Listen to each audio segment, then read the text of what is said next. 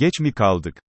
Gerçek net ve açık, üstelik hiçbir yerde, hiçbir ülkede, hiçbir koşulda değişmeyeceği de daha önce yüzlerce defa kanıtlanmış. Hiçbir salgın hastanede yenilmez, salgınla savaş sahada kazanılır. Devamı var.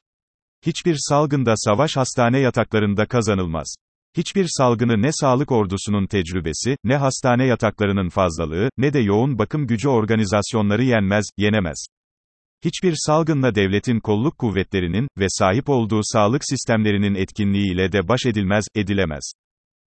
Peki çözüm? O savaş nasıl kazanılır?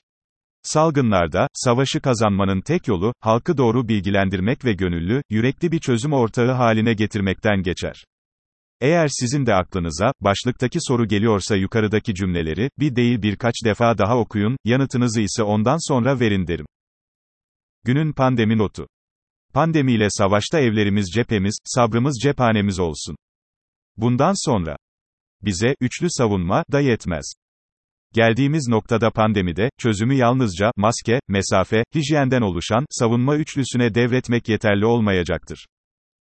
Daha güçlü bir savunma için, daha doğrusu, daha az gol yemek ve maçı kazanmak için şu üç oyuncuyu da acilen sahaya yeniden sürmemiz lazım. Önlem 1, kalabalıklaşma, kalabalıklaşmalar engellenmelidir. Toplantılar ertelenmeli, sosyalleşmelerde sayı sınırlaması devreye girmelidir. Çoğu ülke bu önlemi neredeyse 1 ila 2 aydır uyguluyor. Örneğin Galler'de 6 kişiyi geçen aile, eş, dost buluşmalarına izin verilmiyor. Önlem 2, havalandırma. Temiz havadan, daha doğrusu kapalı mekanları sık sık havalandırma ayrıntısından daha çok ve sık istifade edilmelidir. Önlem 3, evde kal. Çok gerekmedikçe, evlerden çıkmamak konusu yeniden uygulamaya geçirilmelidir. Bana göre. Yeni motivasyonlar lazım. Kabul ediyorum, hepimiz çok sıkıldık. Hak veriyorum, kesinlikle çok bunaldık. Tamam ama yine de ve asla motivasyonumuzu kaybetmemek, kaygı tuzağına düşmemek, yeni motivasyonlar üretmek zorundayız. Yeni motivasyonlarımızdan biri, evlerimizi savunma hattımız, sabrı silahlarımız yapmak. Olmalıdır. Bu, özetle 65 yaş üzeri ve 20 yaş altındakiler için geçerli ve etkili bir motivasyon olacaktır. Tekraren söylüyorum, altını net ve açık olarak çiziyorum. Söz ve tavsiye vermenin de, akıl verip korku yüklemenin de vakti çoktan geçmiştir. Vakit birlikte hareket etme, motivasyonu kaybetmeme zamanıdır. Bir soru. Virüs mü, biz mi mutasyon geçirdik?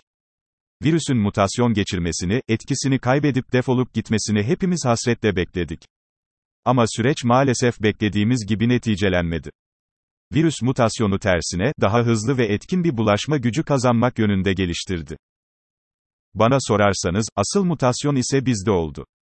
Salgının başlangıcında sahip olduğumuz dikkat, hassasiyet, birliktelik, güven, güvenilirlik ve daha pek çok alandaki kişisel ve toplumsal yeteneklerimizi yeni mutasyonlarla birer birer kaybettik. Adaçayı ebegümeci mi dediniz? Tarihimizin en büyük ve en ciddi sağlık tehditlerinden biriyle karşı karşıyayız. Üstelik tehdit uzadıkça uzuyor, ekonomik ve sosyal boyutlar da kazanıyor. Böyle bir durumda her zaman olduğu gibi, tabirimi hoş görün, eften püften çözümler sunan, bu büyük salgına, kelle paça, sarımsak soğan ile çözüm arayan sözde sağlıkçılar olabiliyor. Bu sözde sağlıkçılara şimdi de yolu herhangi bir tıp fakültesinin önünden bile geçmeyen, unvanlı ve aklı evvel bir çakma sağlıkçı daha eklendi. O çakma sağlıkçı, şimdi de bize bu büyük salgını, adaçayı ebegümeci otu çayı içerek savuşturabileceğimizi söylüyor. Ayıptır, yazıktır. Yapmayın, etmeyin, bilimi bu kadar küçümsemeyin. Konumuz, sorunumuz pandemi gibi ciddi ve hayati bir problemdir. Gelin böyle mühim konularda bari topa bir de siz girmeyin. Okur sorusu. Moderna mı BioNTech mi? Farklı ülkelerden gelen aşı müjdeleri hepimizi rahatlattı. Ama bu müjdelerden ikisinin daha güvenli olduğu tartışma götürmez. BioNTech'in ve Moderna'nın aşıları. Bu aşıların ikisinde de yöntem aynı. Her iki aşıda da virüsün çok özel bir bölümü, bağışıklık mesajlarını taşıyan mRNA, messenger RNA kısmı kullanılıyor. İkisinde de başarı oranı %90'ın üzerinde. Anladığım kadarıyla geliştirilme yöntemleri de 3 aşağı 5 yukarı birbirlerine benziyor. Peki arada hiç fark yok mu? Bazı farkların olduğu daha şimdiden anlaşılıyor. Mesela mı? Moderna'nın aşısı BioNTech'in aşısından daha kolay saklanabiliyor, onu evinizdeki buzdolabında bile muhafaza edebiliyorsunuz.